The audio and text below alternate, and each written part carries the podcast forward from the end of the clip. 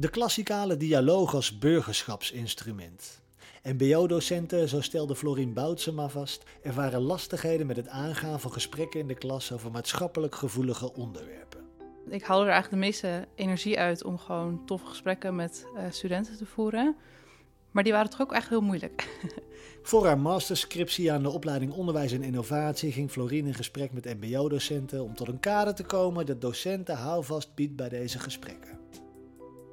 Een van de docenten die ze sprak is Teersa van der Meer, coördinator en ambassadeur burgerschap op het Noorderpoort in Groningen. Ik denk dat de meeste burgerschapsdocenten die thema's als diversiteit, inclusiviteit, maar ook politiek, vluchtelingencrisis, eh, de dingen die eigenlijk in onze maatschappij ook zorgen voor een emotie, ja, dat zorgt het in de klas ook. Juist in tijden van wij en zij, waarin talkshowtafels garen spinnen bij tegenstellingen, is het belangrijk om in die dialoog de verbinding te blijven zoeken. Ik ben Marco Martens en voor deze Nivels podcast reed ik naar Groningen om met Teersa en Florine in gesprek te gaan over het onderzoek, over de bevindingen en over wat de praktijk van docenten vraagt om een veilige omgeving te scheppen waarin alle stemmen gehoord kunnen worden. We zitten op het uh, Noorderpoort, entree en uniformberoepen. Ja, Winschoten Diep 50. Met Florien Boutsema en Teersa van der Meer. Florien, jij hebt uh, onderzoek gedaan voor uh, onderwijs en innovatie. Hoe kunnen MBO-docenten bijdragen aan burgerschapsvorming van studenten tijdens klassikale dialoogvoering over maatschappelijke thema's? Daar gaan we zo induiken in die vraag. En Teersa, jij werkt als uh, coördinator burgerschap en docent burgerschap uh, op deze opleiding. Ja, correct. En, en jij bent ambassadeur burgerschap voor het Noorderpoort Breed. Ja, binnen Noorderpoort, ja. ja net voordat de microfoon aanging, hadden wij het al uh, nou ja, 20 minuten, 25 minuten over van alles en nog wat. En een van de eerste dingen die eigenlijk in ieder gesprek over burgerschap op tafel komt, is: ja, ze doen het overal anders. En de, de formulering van wat het zou moeten zijn is vaag. Ik heb zelf op de Herman Brood Academie ook tien jaar burgerschap gegeven. Ik vond het heerlijk dat die omschrijving zo vaag was. Want het betekende dat ik heel veel daarin kon stoppen van wat, wat mijn team en ik dachten dat uh, onze studenten nodig hadden. En, en, en wat wij belangrijk vonden. Um, Florin, jij bent gaan kijken, eh, vanuit je opleiding heb je veel burgerschap gezien op verschillende scholen. Jij liep ergens tegenaan, want jij dacht, ik moet hier iets mee. Ja. Ja, eigenlijk wel. Nou, eigenlijk was ik er zelf al een beetje tegen aangelopen. Uh, in mijn opleiding pedagogiek heb ik gastlessen gegeven op verschillende scholen. Dus op de middelbare school en op uh, mbo-scholen. En uh, wat ik eigenlijk zag, ik vond het echt super tof om lessen te geven. En dat waren gastlessen over verschillende burgerschapsonderwerpen. En ik haalde er eigenlijk de meeste energie uit om gewoon toffe gesprekken met studenten te voeren. Maar die waren toch ook echt heel moeilijk. Na een tijdje had ik, heb ik letterlijk een keer een gesprek gehad waarbij gewoon echt twee groepen letterlijk tegenover elkaar kwamen te staan. Zeg maar de een was voor en de ander tegen. Jij lacht wel een beetje. Gebeurt vaak, maar ja, weet al maar als student daar goed op in te spelen. En toen dacht ik over, ja, wow, dit is wel echt een, uh, een vak apart. Als je dit uh, gewoon mooi goed wil, uh, wil spelen als docent zijn. Hè? Kun je ons eens meenemen in die situatie? Wat, wat voor opleiding was dat? Wat was de, de kwestie waar het over ging? Ja, het, was, het is een tijdje geleden. Um, ik gaf een gastles, want ik uh, liep stage bij uh, jongerenorganisatie Jimmy's. En dan geef, gaven wij als, een soort, als, een, als peers aan elkaar, gaven wij dus, uh, nou, jongeren onder elkaar, gaven wij lessen. Dus dan ging ik als jongere en student, maar vooral als jongere, ging ik naar de klas toe. En dan gaf ik eigenlijk les aan studenten over diversiteit. Uh, en wat gebeurde er nou? Je had eigenlijk twee groepen die tegenover elkaar kwamen te staan. En je merkte eigenlijk dat het niet meer over de kwestie zelf ging, maar gewoon dat het was van: oh ja, ik kom uit de stad en ik ben een beetje tegen de boeren en de boeren gingen zeg maar terug. Ik geloof dat het over homoseksualiteit ging. En je merkte gewoon heel erg van dat er gewoon um, dat er iets ontstond. En dat ik dan, waar, ging het eigenlijk over? Het ging ook een beetje langs me heen van, ja, wat was ik? Ik was derdejaars uh, bachelorstudent en uh, ik was twintig. En dan sta je daar dus en dan denk je, shit, dit is een soort van escalatie, hier moet ik iets mee. Maar wat? Nou, op dat moment wist ik dus ook niet goed wat ik moest gaan doen. Um, maar uiteindelijk dacht ik wel van, uh, ik voelde me een beetje machteloos. En ik dacht daarna van, oeh, had ik dat maar gezegd of had ik dat maar gedaan? Uh, maar eigenlijk weet ik ook niet als ik dat had gedaan of het dan wel goed had uitgepakt. Want eigenlijk is het best wel moeilijk om zo'n gesprek op dat moment nou, te mhm. deescaleren of te sturen. Um, nou ja, dat dus. Maar met die ervaring in mijn zak had ik al wel een beetje ervaring met dus, uh, nou ja, gesprekken voeren of dialogen voeren, zoals ik dat dan noem in mijn onderzoek, uh, in de klas over maatschappelijke thema's. En daarna ben ik onderwijs gaan studeren, dus onderwijskunde, onderwijs en innovatie aan de VU in Amsterdam. En toen kreeg ik les over burgerschapsonderwijs. En toen dacht ik, hey, die gesprekken, dat is burgerschapsvorming en dat is burgerschapsonderwijs. En toen ben ik daar meer over gaan lezen, luisteren, kijken. En toen dacht ik, oké, cool, dit vind ik tof, hier wil ik iets mee. Ja. Nou ja, en toen heb ik dat soort van samengevoegd. En toen ontstond er een hele nou ja, mooie onderzoeksvraag, namelijk uh, hoe kunnen docenten nou bijdragen aan die burgerschapsvorming tijdens zo'n klassikale dialoog? Ja. En ik las in jouw scriptie ook dat je hebt gezien dat, dat er docenten zijn die het vermijden, die het uit de weg gaan, die moeilijke gesprekken. Uh, jij, jij, ging het in dit voorbeeld niet uit de weg, maar zat ook te denken van help, wat, wat moet ik hiermee? Ja. Teersa, jij herkent dit ook uit je praktijk, merk ik aan uh, je non-verbale reactie op het verhaal?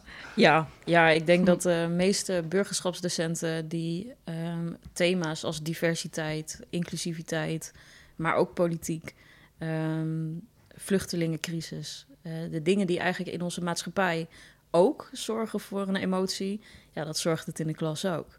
Um, en klassengesprekken zijn, vind ik ook het mooiste onderdeel van een burgerschapsles ik denk niet dat burgerschap een soort docentgestuurd uh, stukje informatieverschaffing moet zijn, maar juist met elkaar in gesprek.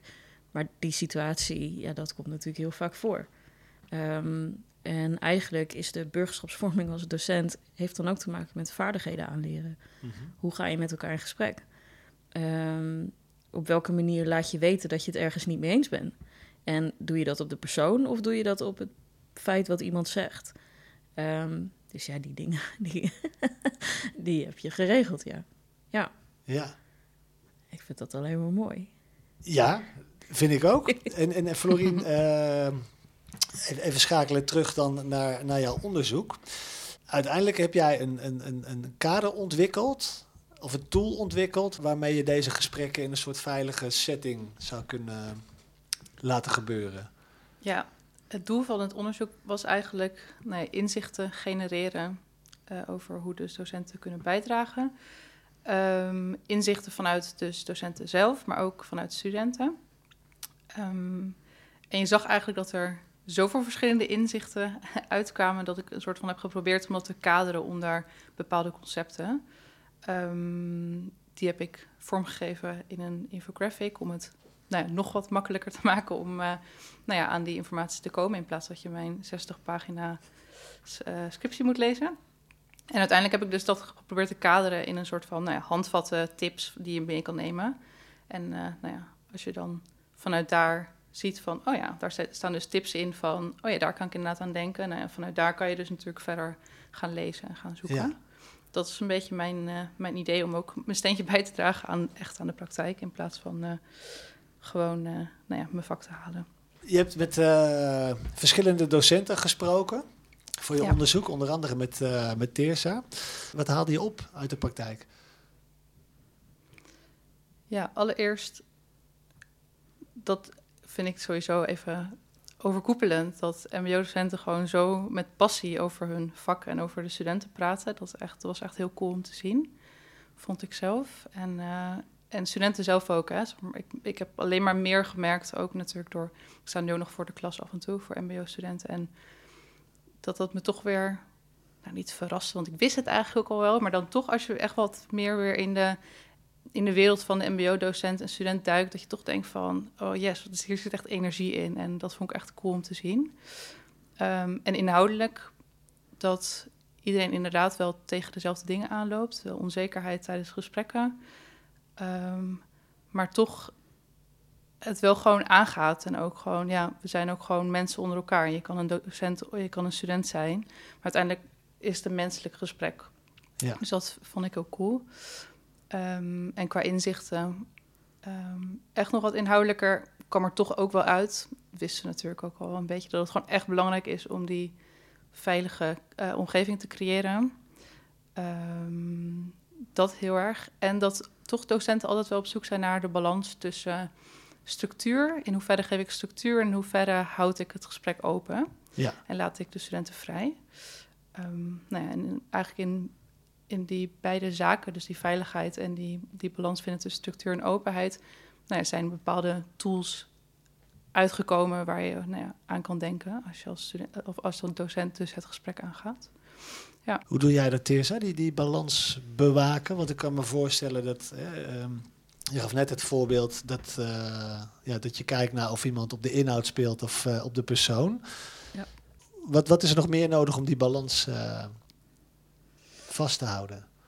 Um, ik stel eigenlijk in mijn klas altijd wel hele duidelijke regels. Uh, wat er wel en niet geaccepteerd wordt. En dat is eigenlijk wel weer heel lastig. Want uh, je zit natuurlijk met vrijheid van meningsuiting. Dus technisch gezien, zodat voor de studenten betekent dat dat je alles mag zeggen wat je wil. Um, dat is natuurlijk niet zo. Dus ik probeer, zeg maar, de, de beginfase is al. Er worden bepaalde dingen niet geaccepteerd. Bepaalde manieren van praten niet, maar ook bepaald woordgebruik wordt niet geaccepteerd. Uh, dat is mijn beginregel eigenlijk. Um, en ik probeer met studenten vaak vooraan dat we een klasgesprek hebben. En eigenlijk aan het begin van het jaar met elkaar regels op te stellen. Dus hoe willen wij, als wij een debat voeren, hoe willen jullie dan dat we dat doen? Um, en door daar eigenlijk een hele les aan te besteden, zijn ze zelf aan het nadenken hoe je met elkaar in gesprek gaat als je het niet met elkaar eens bent. Um, dus dat probeer ik aan de voorkant te doen. En tijdens het gesprek vind ik dat ook een stuk lastiger hoor. Want ook als docent word je soms meegesleept in het onderwerp. Want zelf vind je er natuurlijk eigenlijk ook nog wel wat van. Mm -hmm. um, dus daarin probeer ik eigenlijk altijd vooral een beetje te sturen in het elkaar laten uitpraten. En vooral ook eens te laten luisteren naar elkaar. Dus ik probeer regelmatig studenten, voordat ze reageren op de ander, te zeggen: zeg eens wat hij nou zei. Weet je wel, wat zei hij nou eigenlijk precies? Uh, doordat iemand moet herhalen wat een ander zegt waar je het niet mee eens bent, moet je opeens gaan nadenken over wat die persoon zei. Um, dus dat probeer ik er vaak ook een beetje tussendoor te gooien. Um, en de stelregel in mijn klas is dat je naar elkaar luistert om elkaar te begrijpen. Ja. En niet dat je naar elkaar luistert om te reageren. En ik denk dat dat vooral heel belangrijk is in een discussie of in een gesprek. Um, gewoon regelmatig vragen, wat zei die nou eigenlijk? Of wat bedoelde die? En je reageert hier en hier zo op, maar is dat ook wat hij zei? Of is dat ook wat zij zei? Um, dus ik probeer het eigenlijk een beetje op die manier te doen. Dus iets minder vol op de inhoud, maar meer op de vorm. Ik moet meteen denken aan hoe we dat als samenleving doen met het hele mediacircus. Wat helemaal niet ingericht is om te luisteren, om te begrijpen. Nee. Dat uh, is af en toe een lastige strijd, kan ik me voorstellen. Ja. We het uh, voordat de microfoon aanging al even over de uitdagingen die uh, hier op school uh, spelen. Kan je, kan je ons daar eens in meenemen? Wat, wat voor thema's bijvoorbeeld, nou ja, nog, nog wel eens wat tegenstellingen opleveren onder studenten? Ja, ik zit hier op een locatie waarin we lesgeven aan VEVA, de vooropleiding van Defensie en Beveiliging. Um, en bij entree- en servicemedewerker breed. Maar ik maak het meer mee vanuit defensie en beveiliging. Waarin er een doelgroep zit die eigenlijk niet zo open staat voor.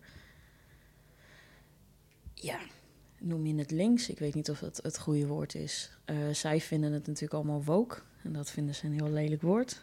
Uh, eigenlijk meer thema's die daaraan raken. Dus transgender, uh, de regenboogvlag, homoseksualiteit. Uh, sowieso verschillende genders. Um, Internationale Vrouwendag. Paarse Vrijdag. Uh, we hebben vorig jaar uh, heb ik gezorgd dat we hier Ketty Kotti gingen vieren. Ehm, nou, dat was een thema wat ze eigenlijk ook niet heel erg op zaten te wachten. Racisme, discriminatie, moeten we het daar nou over hebben.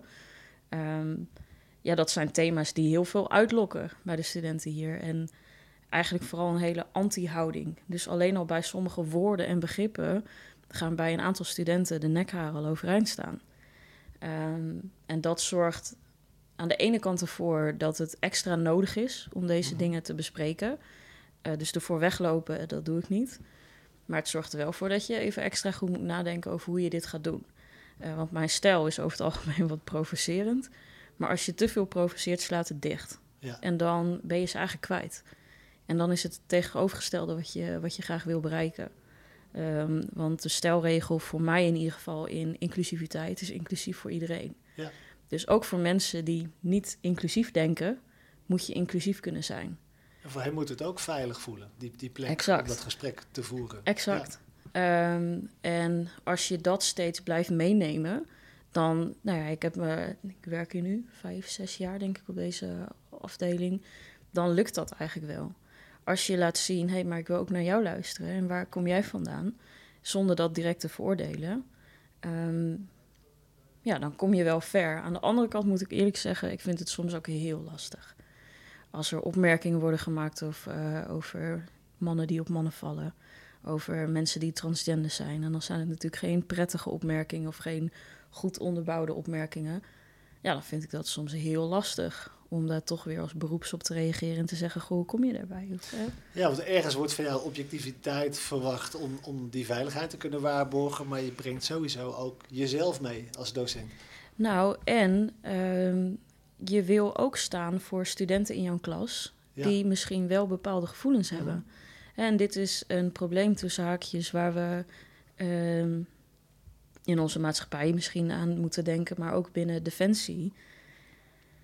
De gedachte bij Defensie zijn geen mensen die homo zijn, gaat natuurlijk niet op. Ehm, maar wat misschien wel aan de hand is, is dat mensen zich niet helemaal veilig voelen om dat aan te geven. Ja. En dat hebben wij in de klas natuurlijk ook. Dus op het moment dat ik studenten de ruimte geef om te vertellen wat zij daarvan vinden, moet ik er ook over nadenken dat er studenten in de klas zitten die misschien bepaalde gevoelens hebben, die door dit soort opmerkingen denken, dat ga ik nu niet meer vertellen natuurlijk, dat ga ik nu niet uiten. Mhm. En wat laat ik als docent zien als ik niet daarvan aangeef, hé, ik vind het eigenlijk niet oké. Ja. Dus die balans tussen open laten, iedereen laten zijn, is heel ingewikkeld. Ja. komen in mijn gesprek inderdaad ook echt veel naar voren. Die balans vinden tussen persoonlijk blijven en, en, en niet. Wanneer laat je echt je persoonlijke mening doorschemeren? En wat ik wel grappig vond, is dat ik zag dat eh, docenten inderdaad daar best wel mee struggelden. Maar ook wel vaak aangeven, van, ik kies dan liever voor de, eh, voor de eh, onafhankelijke, zeg maar gewoon voor de neutrale positie. Ik ben liever dan de burgemeester. Terwijl studenten bij mij vaak aangaven van... ik wil juist weten van jou wat jij vindt. Want jij vraagt ook aan mij wat ik hiervan vind. Mhm. Als jij, ook, als jij laat weten wat jij ervan vindt... dan zijn we mensen onder elkaar. En ehm, ja, waarom zou ik wel mijn mening moeten geven... En jij doet dat niet. Maar dat, dat merkte ik heel erg onder die studenten. Dat heel erg, dat, dat heel erg leefde van... ik wil eigenlijk gewoon met jou praten als mens tot mens. Ehm, dus zeg maar gewoon wat je ervan vindt. Dan gaan we, daarna gaan we weer verder. Ja, en is, is, is de keuze voor dat onafhankelijke dan om, eh, om ook de relatie niet onder druk te zetten die je met je student hebt? Zeker, dat denk Ja. ik wel. Ehm, eh, wat ik ook wel hoorde, wat een docent dan zei, was... ja, ik ga bijvoorbeeld niet... mijn politieke voorkeur ga ik niet eh, zeggen... want dat kan juist weer leiden... nou ja, de, zeg maar de, de band die ik met, met een van mijn studenten heb... kan dat weer schaden eigenlijk. Als diegene, bijvoorbeeld die politieke partij waar ik op stem... of waar ik op heb gestemd... als dat tegenover zeg maar, de politieke partij staat van... nou ja, waar de student op stemt of zou willen stemmen. Ehm, ja, dat is wel echt ook iets wat ik, wat ik veel heb gehoord. Dus en dat is echt ook wel bang dilemma. voor sturing. Ja, Eh, want ik merk Ja. ook dat de meeste burgerschapsdocenten zijn zich volgens mij ook best wel bewust van de rol die ze hebben. Ehm, en dat bedoel ik ook met, het is niet echt een docentgestuurd thema of een manier van lesgeven eigenlijk. Ehm, want als je het over de politiek gaat hebben en ik ga mijn mening daarin geven, ehm, ik wil juist hun de vaardigheid geven dat ze zelf nadenken en zelf onderzoeken. Maar als ik daar als docent sta en je hebt een goede band met je studenten, dan zijn ze veel meer bereid om naar jou te luisteren. En dat is aan de ene kant goed, maar aan de andere kant wil je ze ook niet jouw straatje insturen. Dus dat is ook vaak wel een keuze voor onafhankelijk zijn. Je wil proberen ja, niet, niet jouw ding op te leggen. En als docent heb je soms nou eenmaal de neiging om als je praat een beetje belerend en sturend en argumenterend over te komen. Eh, dus dat is soms ook een keuze om te maken, dat je er een Ja. beetje buiten wil staan. Nu ben ik zelf altijd heel open geweest in mijn politieke voorkeur. Ik denk dat het ook in heel mijn eh, gedrag en doen en laten wel duidelijk werd eh, aan studenten. nu was er, hè, zat ik ook wel aan, aan, aan de overheersende kant van het spectrum op die school. Maar ehm, ik vond het juist prettig om, om ook dat mee te nemen in mijn lessen. Eh, en, en daarbij wel eh, in de gaten te houden dat ook iemand die het niet met me eens was, we- zich wel ook veilig voelde. Maar ik vind het wel een belangrijke dat je jezelf daarin mee kunt nemen. Ik ben misschien wat echter of zo, ook voor tegen de student. Tegenover Ja. de student. Nee, ik, ik vind die relatie het allerbelangrijkst. Ja, en ik wil tegen die student kunnen zeggen: Ik ben het niet met je eens, maar ik mag je er niet minder om, weet je wel. Het, het, het hoeft- het- het- En dat hoort er juist eigenlijk bij wat je ze mee wil geven. ja, ja. Ehm, absoluut. Ja, wat ik hier wel merk, en dat hebben we hier op verschillende locaties, want we zitten hier met een paar locaties die een beetje lijken op die van eh, ons hier, ehm, is dat er een best wel sterke anti-overheids-emoties rondwazen hier. Ehm, en dus ook een anti-woke eh, vibe. Dus op het moment als jij als docent laat zien, en ik zit ook vrij links, ehm, en voor de meesten waarschijnlijk ook vrij woke, ehm, dan hebben heel veel studenten jou al in een bepaald hoekje geplaatst. ja. Dus dan ben je er zo een. Ehm, waardoor, Dus die framing van de media werd je enorm tegen. Absoluut, Ja. absoluut. En daardoor hebben studenten al heel vaak helemaal geen zin meer om naar mij nog te luisteren, want jij bent toch zo'n gekkie. Ja. Die, ehm, nou ja, ik weet niet wat ze allemaal van mij denken als zij meer weten van mijn politieke voorkeur en zij weten waar ik zit, in welk gedeelte.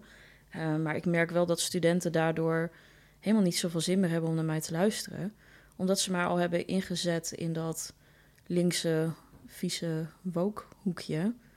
Dus dat merk ik bij deze doelgroep heel erg. Op het moment dat je daar meer voor uitkomt, hebben ze je eigenlijk al afgeschreven. Ja. Hebben ze ook niet zo meer zoveel zin om nog naar jou te luisteren.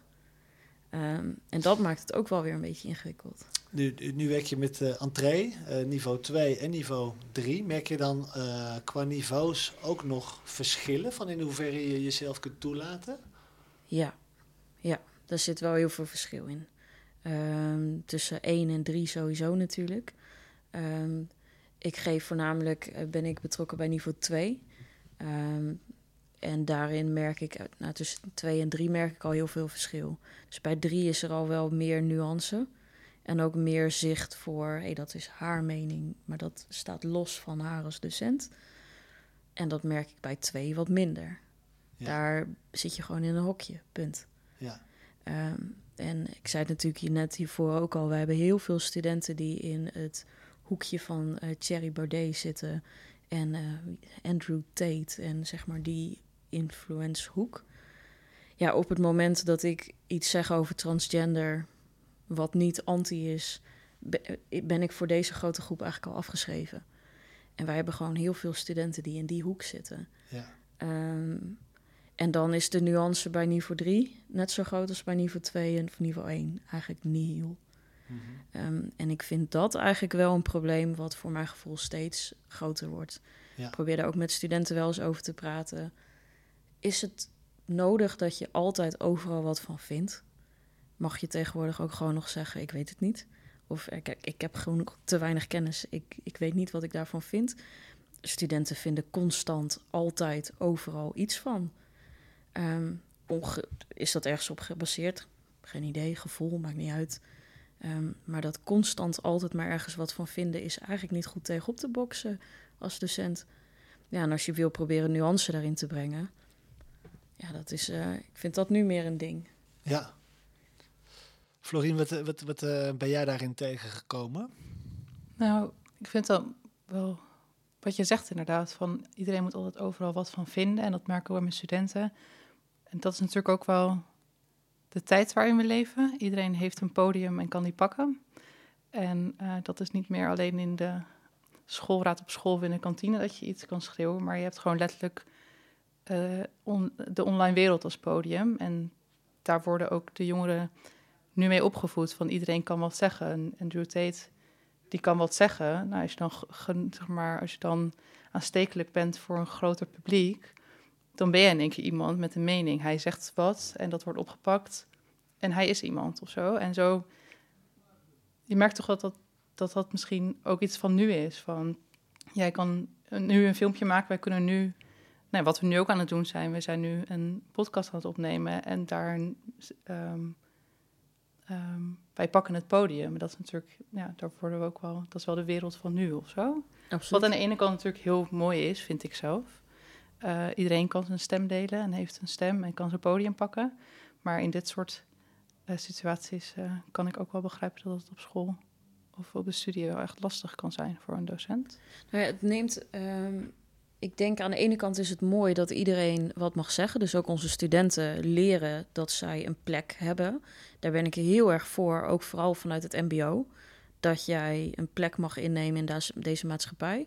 En mag onderzoeken wat jouw plek is. Maar het neemt, of het brengt ook een bepaalde verantwoordelijkheid mee.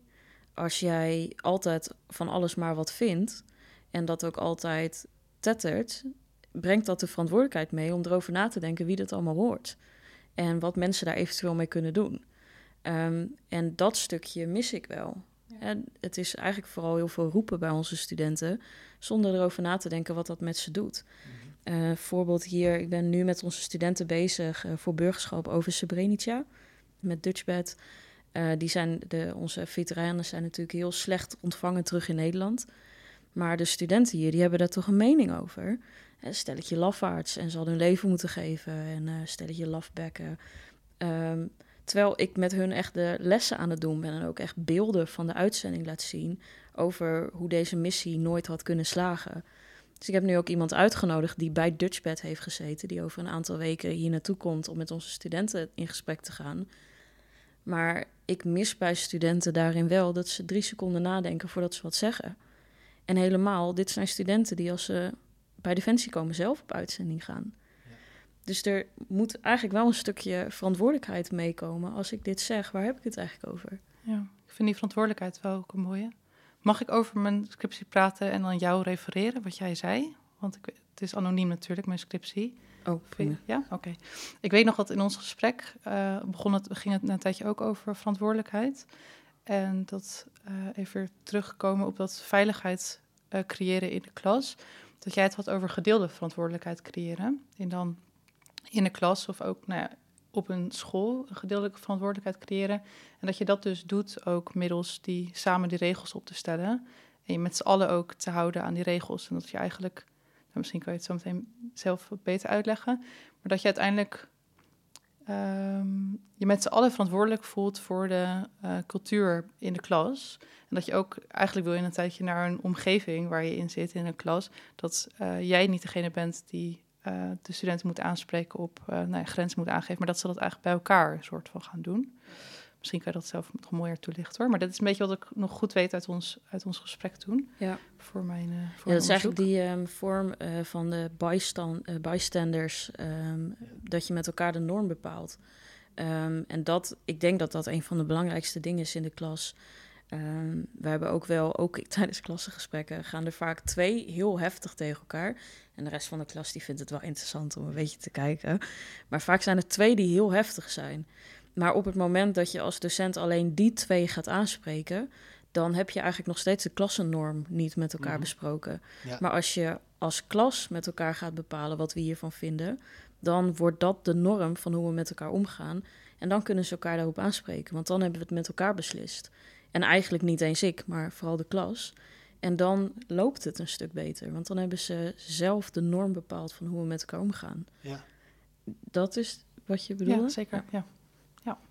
Is het anti-overheidssentiment wat er, wat, er, wat er zit, niet alleen onder studenten, maar ook onder een grote groep in de samenleving, eigenlijk ook niet, gaat het ook niet hierover? Dat ze zich ja. niet betrokken voelen bij de regels die er zijn ja. opgesteld? Ja, denk het wel.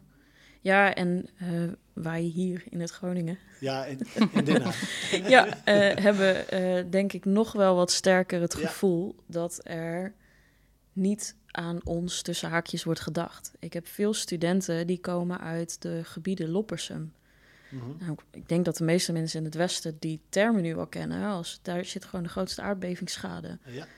Als er iets in zit wat bij onze studenten voedt, is het het idee dat er niet wordt omgekeken naar hun. Niet gezien dat ze en niet gehoord zijn. Niet ja. belangrijk genoeg zijn. Mm -hmm. En ga dat ook maar eens vertalen naar hun dat dat niet zo is. Als je kijkt hoe Hè, we hebben echt studenten die uit die gebieden komen. Ja. Die moesten verhuizen, die eh, scheuren in hun huis hebben. En er wordt maar van alles besproken en gepraat en beloofd. Maar er gebeurt eigenlijk niet zoveel. Ehm, en dat is voor de studenten wat zij natuurlijk tien keer heftiger ervaren. En ouders vinden daar ook wat van, dus die worden gevoed daarin. Ja. Ehm, dus hier, hier in het noorden, leeft soms ook wel echt het gevoel dat het Westen zich vooral bekommert om het Westen.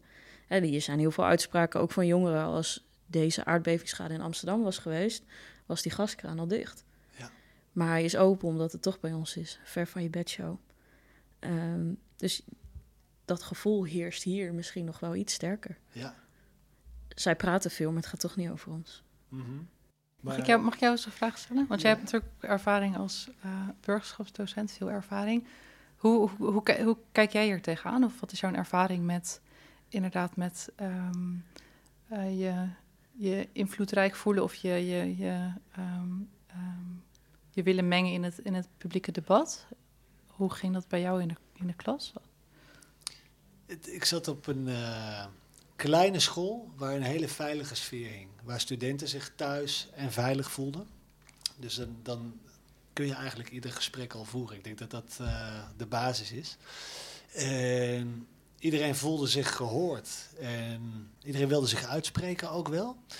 Studenten die dan een afwijkende mening hadden, ja, daar werd lachgericht over gedaan. Maar als je dan eh, daarop voortborduurt, ja, dan komt daar vaak komt er wel nuance bij. Maar daar moet, daar, ja, die sturing moet je als docent dan wel geven. Ik denk dat er wel ook een vanuit MBO een idee hing van wij tellen toch niet mee. Ja. En nu hadden wij, eh, het is aan de artiestenkant, want de Herman uh, Brood Academie heeft een paar artiestenopleidingen. Er zitten heel veel HAVO, VWO-studenten die eh, MBO eh, zijn gaan doen en eigenlijk allemaal zeggen: eh, Ja, ik kom hier voor het netwerk, het diploma maakt me niet uit en eh, dit is de plek waar ik mij artistiek kan ontwikkelen. Dus daar was het een hele bewuste keuze. Maar als je bijvoorbeeld de podium- en studiotechniek kant, dat waren studenten die van het VMBO kwamen. En daar heerste toch wel het gevoel van ja als MBO tellen we toch niet echt mee. Maar ik heb mijn eigen kleine community, die, die, die creatieve community, waarin ik mij dan op mijn plek voel. Ja. En dan zie je vaak dat als ze bij een poppodium stage gaan lopen, dat ze zich heel erg onderdeel voelen van die samenleving. Mhm. En dan merk je dus ook dat, ehm, ja, dat, dat, dat ze zich uit durven spreken, maar dat er ook wel, ik, ik denk dat de meeste poppen, je hebt daar niet zo er, er, zijn weinig Thierry Baudet Ja. aanhangers in, in Ja. de culturele sector. Dus ik denk dat die, die eh, meningen veel, verder, veel minder ver uit elkaar eh, lagen. Dus het heftigste was dan iemand die VVD wilde stemmen. Ja. Ja, dat vind ik ook heftig. Nou het is wel grappig wat je zegt, want wij hebben ook een eh, kunst- en multimedia afdeling. Dat is ook echt een eigen locatie. Ziet er ook fantastisch uit als je daar binnenkomt met graffiti op de muren. En er lopen altijd studenten verkleed rond. Eh, het, is, één grote artistieke samenleving. Maar die hebben precies een beetje dezelfde instelling als wat jij zegt. Daar kun je het juist over Paarse Vrijdag hebben. Want die hebben de school al paars geverfd voordat jij het erover wil Ja. hebben.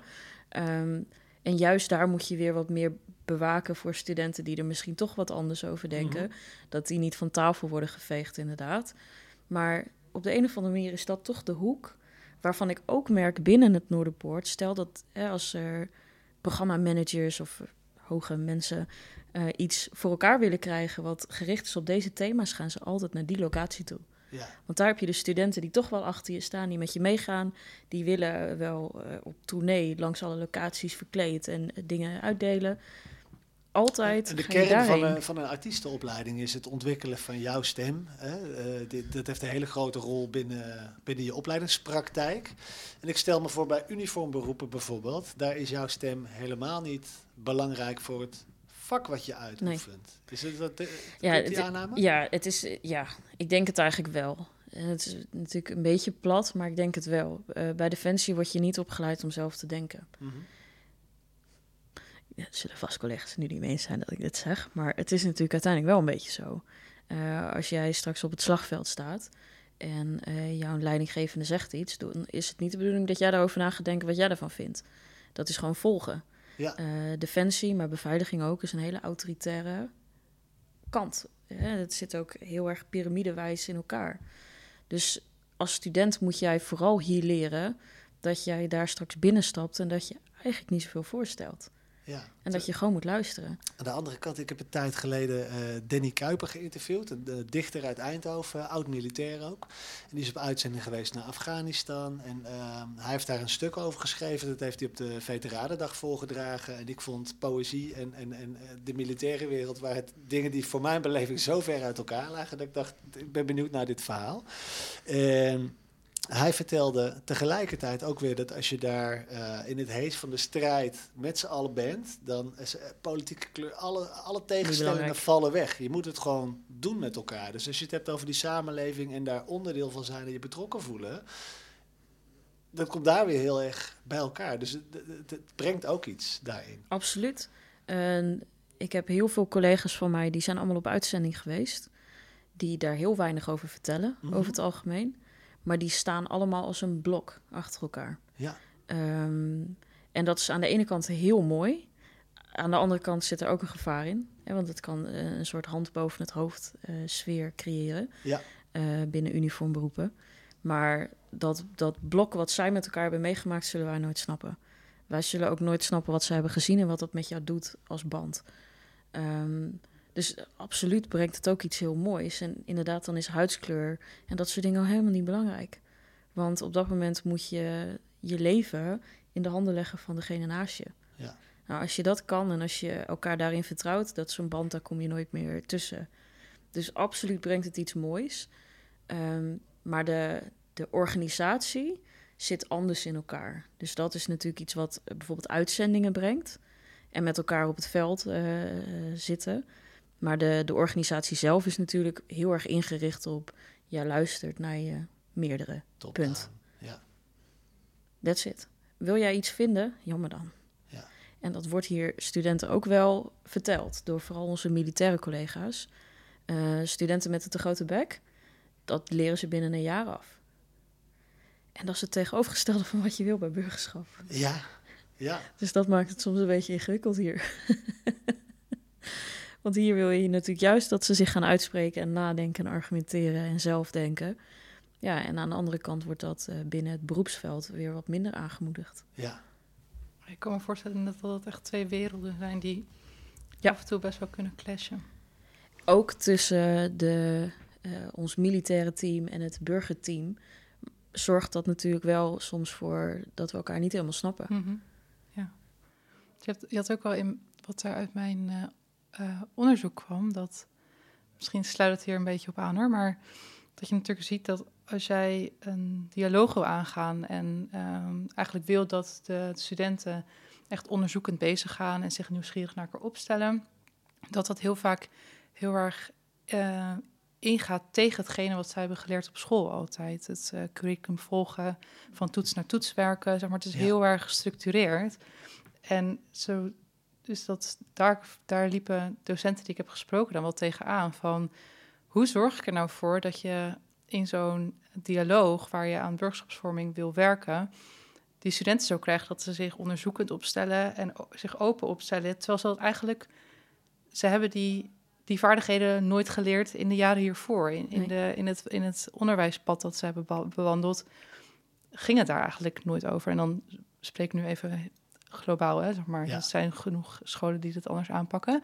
Maar over het algemeen is het gewoon eh, heel gestructureerd werken van toets en toets... en niet heel erg gefocust op onderzoeksvaardigheden Dat Ehm, ik. Ja. ja. aanwakkeren en Ja, ontwikkelen. En daar liepen de docenten dus ook best wel tegen aan. Van ja, maar ja, ik kan wel een vraag stellen, maar als iemand niet weet eh, hoe je daar eh, open op moet antwoorden, of hoe, als je niet weet hoe je een mooie open vraag kan stellen aan je medestudenten, ja, dan is een dialoog eh, ver te zoeken. Ja, Ja. absoluut.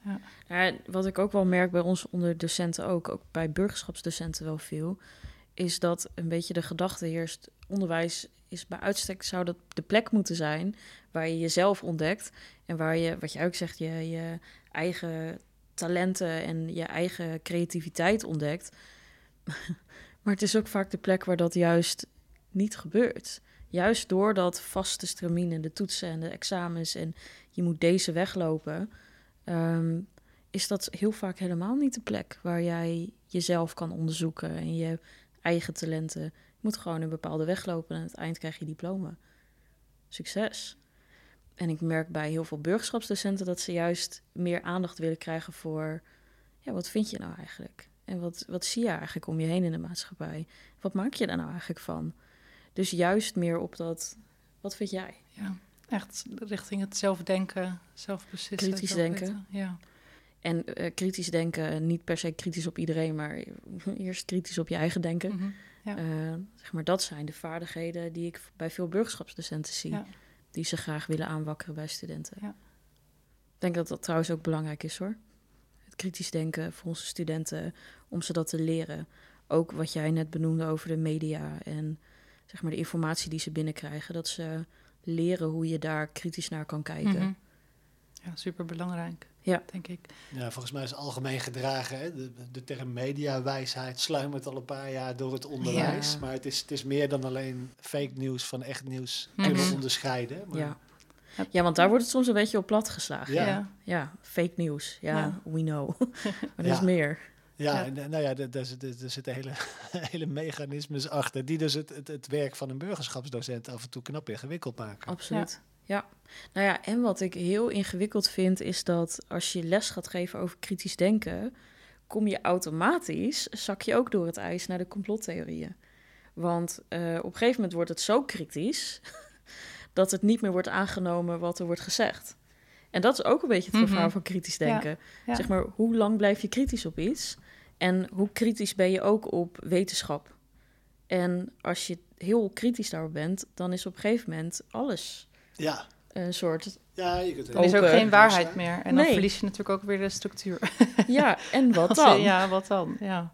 En dat, dat vind ik nu momenteel Ja. heel ingewikkeld. ja. Hoe je daar goed mee omgaat. Dus als iemand het antwoord heeft. Denk er nog even over na. Stuur een mail. Gooi het erin.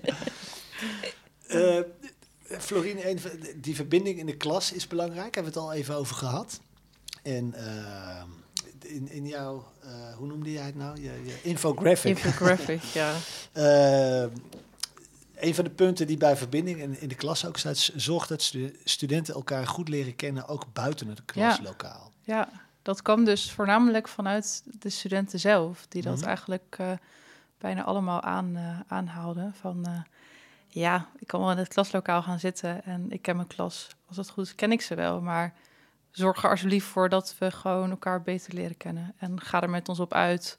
Ga een keer leuke dingen doen, toffe dingen doen. En zorg eerst daar maar voor, voordat ik eh, mijn, eh, eh, mijn mening of mijn visie op misschien soms ingewikkelde thema's moet geven. Want ja, Ja, als ik mijn buurman niet helemaal vertrouw of eigenlijk niet zo goed weet wie mijn buurman is, ja, dan eh, blijf ik liever stil.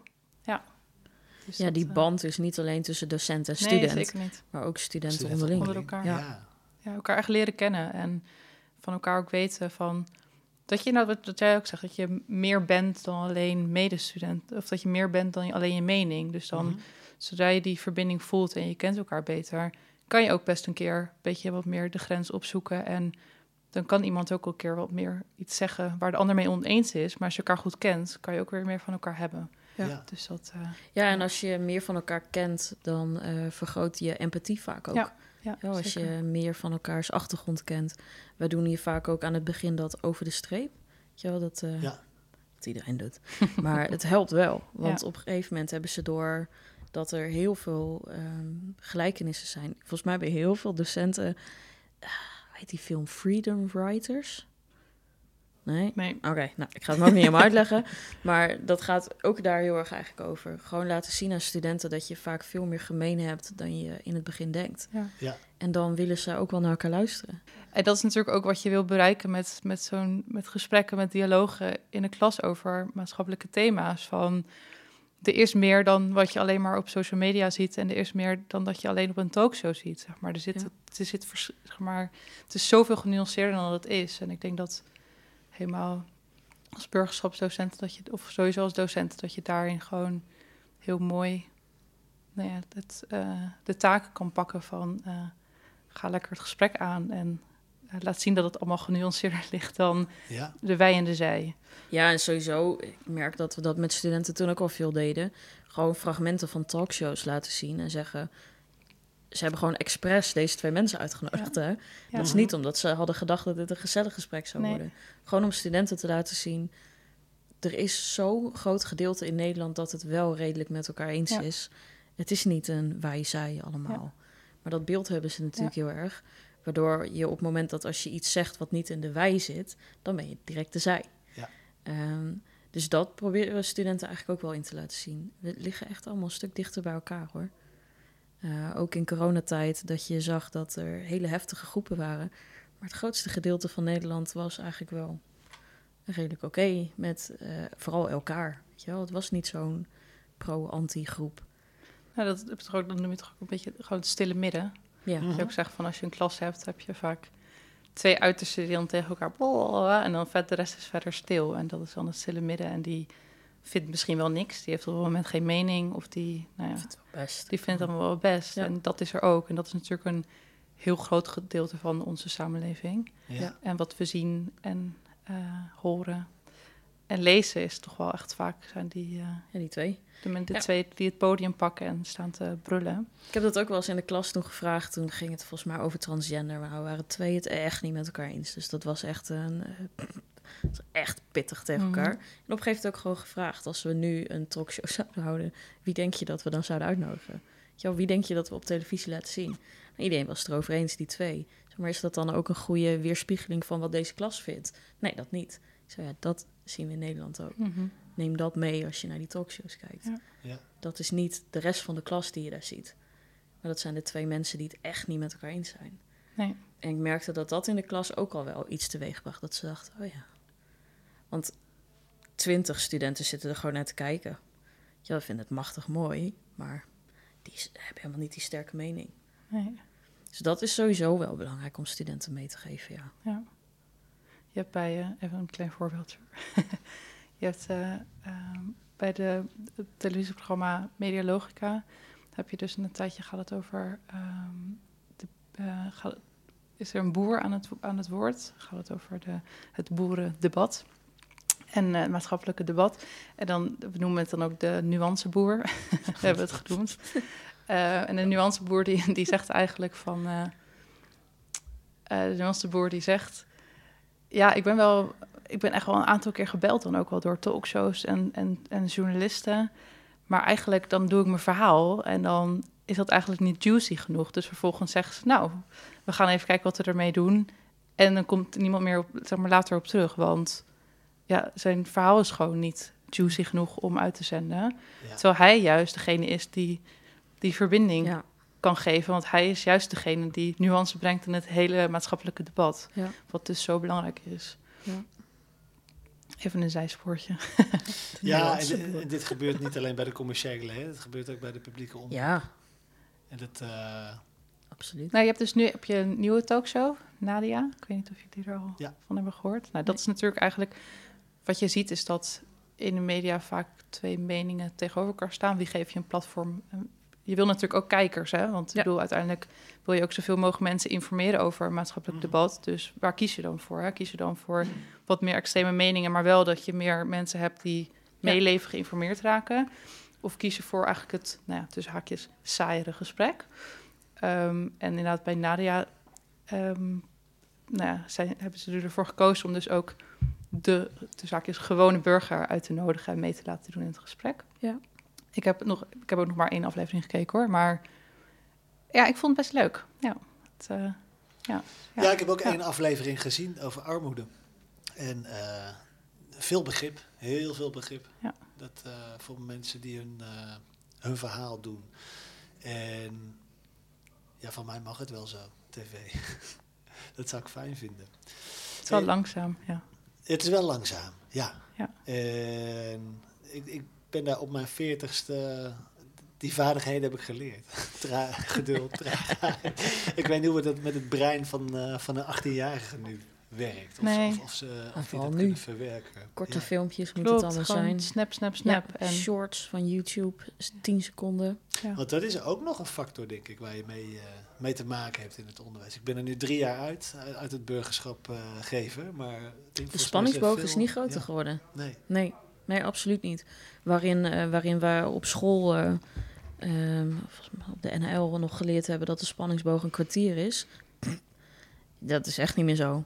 Ja, dat, dat gaat niet meer op. Ja. Ehm, want door alle shorts en snaps en fines en weet ik veel wat je allemaal had, is dat eh, verkort naar vijf minuten. Als je echt iets interessants te vertellen hebt. Ja. En anders niet. Dus je hele manier van lesgeven wordt ook anders. Mhm. Eh, en Ja. dus ook van gesprekken voeren. Ja. Eh, niet, niet te lang praten, want dan eh, is er eentje alweer naar buiten aan het kijken. Een van de puntjes in jouw infographic, eh Florine, is ook bij de bijdrage aan identiteitsontwikkeling. Biedt theorie aan als basis van de dialoog. Wat, wat, wat heb jij eh, ontdekt bij de docenten die je sprak? Wat, wat, wat voor, in wat voor vormen bieden zij die theorie aan? Ehm, je hebt natuurlijk wel vaak per docent eh, heeft zo zijn eh, lievelingsonderwerpen. Tenminste, docenten hebben, zeg maar, ja, je hebt natuurlijk altijd je persoonlijke voorkeur. Dus daarin merk je gewoon wel veel verschil. Ehm, eh, wat ik zag, ja, voornamelijk ook wel dat er wel veel beeldmateriaal wordt gebruikt. Dus filmpjes worden laten zien en daar echt mee te beginnen. Maar er waren ook docenten die ehm, ehm, de studenten zelf eh, bijvoorbeeld een presentatie lieten geven om als inleiding op een, eh, op een onderwerp of op een eh, nou ja, dialoog die je daarna gaat voeren. Dus zo proberen ze het ook wel een beetje eigen te maken van, van de student zelf. Ja, wat ik zeg, inderdaad, beeldmateriaal ehm, om inleiding te geven. Dat zeiden de studenten zelf trouwens ook wel hoor, van prima als jullie een gesprek met me willen aangaan, maar ik moet wel weten waar het over gaat. En die, die informatie heb ik wel nodig. Terwijl je natuurlijk ook vaak genoeg tegenkomt dat ehm, sommige studenten misschien wel nog meer weten dan, dan de docent misschien weet over een onderwerp. Want je kan van docenten ook niet verwachten dat ze, nou ja, dat ze alles van, een- van een onderwerp weten. Wat het gesprek juist ook alweer echt juist, juist tof maakt, denk ik. Van eh, die onwetendheid aan beide, bij beide partijen. Dus ja, dat verschilt heel erg. Dat, eh, ja. Ik vind het heel prettig, onwetendheid. Het- Het mogen zeggen dat je Ja, sommige dingen niet weet. Ja. Want het, eh, ja, ga ook maar eens op zoek. Met, eh, ja. ik eh, geef dan eh, les over medialogica. Maar ja, het is ook wel... Soms komen er vragen, bijvoorbeeld juridische vragen. Ja, soms, soms weet ik het gewoon niet. Ja, eh, Google maar, zoek maar op en laat ons zo meteen maar weten wat eruit kwam. En eh, ga maar gewoon met z'n allen leren in plaats van dat ik jullie wat leer. En dat is toch ook wel echt de, het leuke aan, aan lesgeven en aan eh, ja, docent zijn, vind ik. Ja, het de ander laten doen. Ja, ja, gewoon zelf achteroverleunen. Nee, Maar ga- zo heb ik er nog niet over nagedacht. Maar terug onderwijs in. Nee, maar dat werkt wel. Volgens mij noemen ze dat in termen de expert, eh expertgroepjes. Dat je studenten expert laat worden in Mhm. een onderwerp. Ja. En ze dat laat presenteren. Ehm, ja, het, het, het, het enige gevaar is vaak dat dan je vaak de onderwerp gaat verdelen over studenten. Waardoor ze zich heel erg inlezen op één bepaald onderwerp. Ja. En bij de rest natuurlijk wat minder. Oh ja. Ehm, maar dat helpt vaak wel dat je, als je ze geïnteresseerd wil hebben voor iets, dan moeten ze het eigen maken. Mhm. Ja. We hebben volgens mij, eh, nou ja, van, van A naar Z en terug naar X, de, de, de infographic wel een beetje Daar besproken. was ik al bang voor, maar juist leuk, toch? Dat is toch... Ja, ja, nee, dat lijkt me heel goed ook. Waar is deze infographic te vinden voor, voor docenten die denken van ja, ik, ik, ik, ik wil die, Ik die ben hou vast op een rijtje. ja, nieuwsgierig naar. Eh, ik heb hem wel op mijn LinkedIn geplaatst. Dus gewoon mijn voor- en achternaam even opzoeken. Florien Boutsema. Yes. En dan kan je op mijn LinkedIn kan je hem vinden. Ehm, als je nou het hele onderzoek wil lezen, dan eh, liever even een persoonlijk berichtje of een mailtje. Staat ook al in de infographic, mijn eh, e-mailadres. En dan stuur ik hem gewoon, want dan kan ik een beetje overzicht houden Ja. eh, waar mijn eh, onderzoek eh, zwerft. Mhm. Eh, ja, dat dus. Ga je hier verder induiken? Ehm, ik ga er zeker verder induiken, maar niet, niet ehm, in onderzoek, maar gewoon. Ik vind het een te, te boeiend eh, onderwerp om hier verder in te gaan. En ehm, ik ben nu ook bezig om wat meer ook in, in eh, burgerschapsonderwijs, om dat vorm te geven. En ik ga, hier, ik ga hier zeker nog niet mee stoppen, maar wel lekker in de praktijk en eh, minder achter mijn beeldschermen in de boeken. Ja. Dus uh, ja. En, en, en uh, ik ben er wel even benieuwd waar je nu mee bezig bent. Want wat Teersa mm -hmm. gaf al aan van het moet niet de docent gestuurd zijn. Dat, dat is een van de redenen waarom ik nooit graag met een methode heb willen werken. Wat voor lesmateriaal uh, wil je aanbieden wat ondersteuning geeft eigenlijk aan dat, aan dat veilige klimaat, aan die verbinding in de klas? Goeie vraag. Um, ja, eigenlijk toch ja, een beetje afgezaagd misschien, maar toch wel echt lessen heel erg baseren op het gesprek aangaan. En um, uiteindelijk denk ik toch dat docenten zelf het beste weten hoe je veiligheid in de klas moet uh, aanbrengen. En iedereen kent zijn uh, studenten toch wel echt het, het, beste. Dus ik kan wel zeggen, je moet dit of dat doen. En ik denk dat die, dat onderzoek wat ik heb gedaan, dat je dan dat het even weer een beetje een wake-up call is van, oh ja, of oh, is dat ik, dat ik het nooit gezien. Of ik hoor Teersa nu dit en dit zeggen van, oh, misschien kan ik daar ook iets mee doen. Um, maar ik denk dat het voornamelijk, nou ja, mij, ik maak dus, ik uh, schrijf nu um, lesbrieven. Aan mij is het gewoon heel erg om die kaders te geven en inspiratie te geven. En de docent maakt daar dan zijn eigen verhaal of zijn eigen dingetje van. Ja. Um, en veiligheid, wat, wat, ik zelf dus nogal echt nogal een mooie vond, um, is dat docenten zeiden van ja, het is heel belangrijk om structuur te geven om, om die veiligheid uh, te waarborgen. Maar met name van, dat vond ik een mooie tip, structuur geven um, om af en toe weer even terug te haken op de waarden waar we het nou precies over hebben. Dus er is een gesprek. Um, ik kan me heel goed voorstellen als er een gesprek in het klaslokaal is, dat heel veel studenten een tijdje denken, waar, ja. wat zijn we eigenlijk nog aan het doen? En dan is het zo belangrijk om de essentie van het gesprek even weer naar boven te halen. Dus even weer terug te koppelen, oké, okay, wat gebeurde hier nou? Uh, die en die zeiden dat. Daar komt die waarde naar, naar boven, wat, we, wat bijvoorbeeld een democratische waarde is, zien we ook weer terug in de samenleving. En we zagen die waarde naar boven komen. Wat betekent die waarde nou eigenlijk voor jou? Zeg maar, dat je op die manier het weer even omhoog tilt en ja. nou, een beetje het kwartje laat vallen van, oh ja, hier zijn we mee bezig. Dat vind ik, ja, dat vind ik wel nog mooi om mee te geven. Ja. Ja, als dat een antwoord is op je vraag. Zeker, ja. Teersa, hebben we voor jouw gevoel, uh, zijn er nog dingen die uh, niet aangetikt zijn? Nee, volgens mij niet. Ik hoop vooral dat mensen die, uh, die burgerschap niet goed kennen, Um, eh, want als je soms hoort hoe mensen burgerschap omschrijven aan anderen, dan is het vaak um, een soort menging van maatschappij en geschiedenis of zo. Volgens mij hoor ik dat vaak mensen zeggen.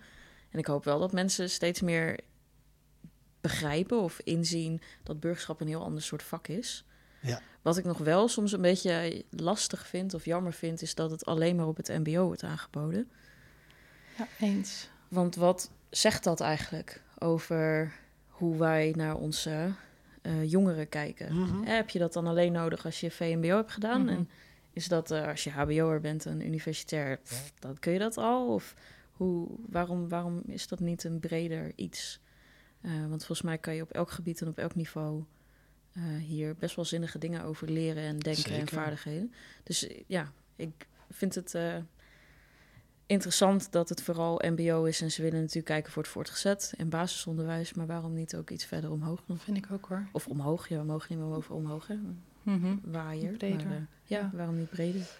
Ja, ik zie dan ook al, het staat dan in de staat van het, van het onderwijs, staat van het middelbaar beroepsonderwijs, het staat dan van dat er meer focus moet komen uh, op het aanleren van die vaardigheden, burgerschapsvaardigheden. En ik denk van ja, ik snap heel goed dat die vaardigheden dat die ontwikkeld moeten worden, natuurlijk. Daar ben ik voor. Maar daar ben ik niet alleen voor bij MBO-studenten. Daar ben ik voor bij iedereen, elk mens of zo. Iedereen heeft er baat bij om, ba- Ja. om burgerschapsvaardigheden op te doen. En Ja, Je bent ook nooit uit- de 21, 21ste eeuwse, eeuwse vaardigheden, toch? Ja. Maar dat houdt blijkbaar op bij eh, MBO. Ja, en dan Ja. denk ik echt van, ja, maar iedereen heeft daar baat bij. En je bent ook Ja. nooit uitgeleerd. En eigenlijk zou ieder mens, zeg maar, zou het tof zijn als je daar scholing voor krijgt. En eh, dan denk ik van, ja, je kan dat wel opleggen aan een, aan een mbo-student. Maar eh, ja, eigenlijk is dat gewoon een, een taak voor, voor iedereen. En laten we dan ook het aan ze teruggeven of zo. Van, zij moeten bij onze samenleving horen, maar eigenlijk zijn zij de samenleving. Maar laten we dan ook gewoon beginnen bij het stoppen met het over hoger en laag te hebben. En dat de studenten gewoon MBO-studenten ook bij een uh, studentenkroeg naar binnen... Ja, studentenvereniging of studentenkroeg naar binnen kunnen. Want ja, je kan wel zeggen, leren jullie de vaardigheden van onze maatschappij maar aan, maar... Uh, wel buiten. Ja, je moet wel, wel buiten. Je hoort er nog niet bij. Dus, ja, uh, veel... volgens mij laat onze maatschappij en onze samenleving zien dat het, uh, deze 21ste eeuwse vaardigheden niet alleen voor MBO'ers een prettige mm vaardigheden, vaardigheden zijn om mee te nemen. Volgens mij hebben we dat de afgelopen jaren wel gezien dat dat ehm, op alle, nou ja, in elke vorm wel terug mag komen. Dus dat zou ik wel mooi vinden. Ja, en hoewel er een lange weg te gaan is nog, heb ik het idee dat er een, een omslag gaande is uh, van hoe we als samenleving naar MBO kijken. Absoluut. Maar dat vond ik wel een goeie. Dat hebben een paar studenten ook gezegd. Ik vroeg dat laatst school, wat vinden jullie daarvan? Hè? Want volgens mij hadden we acht jaar geleden of tien jaar geleden hadden we zo'n beetje mislukte uh, vibe over het MBO waarderen. Toen kreeg je allemaal van die posters bij bushokjes, uh, deze gehaktbal was er niet zonder een mbo'er of zo. Dat ik dacht, maar ja, dit vat het niet helemaal samen. Nu, nu gaat dat veel beter. Ja. Maar wat een uh, student van mij wel zei is, ja, maar als ze ons echt waarderen, moeten ze dat doen in geld. Toen dacht ik, ja, ja absoluut. Als je, je kan nog zoveel praten en zeggen, hè, onze uh, mbo'ers zijn onze ruggengraat. Ja, laat maar zien in salaris. Ja. En ik denk dat de echte waardering hem daar voor de meeste mhm. studenten in het MBO ook in zit. Ja. ja, en wat je ook zei van, inderdaad over, dan over de gakbal, of ik geloof dat jij dat eerder ook zei van, we hebben studenten, we hebben MBO-studenten ook nodig. Want wie, wie bouwt er anders onze huizen? Net of zij alleen maar. Zeg alleen maar, met hun handen kunnen bouwen. Ja, zeg maar, er zijn ook. Ja, en hier kom je denk ik ook weer op dat stukje betrokken voelen bij de samenleving. Ja. je, bent niet, je telt niet alleen mee. Als huisbouwer. ja. Weet je Nee, en, of, en ook, eh, weet je, het sentiment kwam juist een beetje dat zij iets doen voor ons. Ja. Dus jij kan geen gehaktbal eten zonder de MBO'er. Dus dat doen ze voor jou. Ja. Maar het idee, eh, als je kijkt naar onze laboratoriumtechniek um, opleiding, dat is geen MBO qua niveau meer. Dat zit gewoon tegen HBO aan. Um, dus, dus dat met je, alleen maar met je handen werken, waar heb je het over? Ja, dat is niet MBO. Ik denk ook dat dat niet de verantwoording of de legitimatie zou uh, moeten zijn. Het is, nee. uh, de, inclusiviteit is, is ook op dit uh, ja. thema. Ja. Nou ja, we zijn er nog niet. Nee. nee. Aan de andere kant vind ik wel mooi als je ziet hoe duidelijk het MBO zichzelf steeds meer laat zien ook. Ja. Dus ook vanuit de student hoe trots ze zijn. Ja, daar ben ik wel heel blij om. Absoluut. Daar ben ik heel blij om te zien. Ja.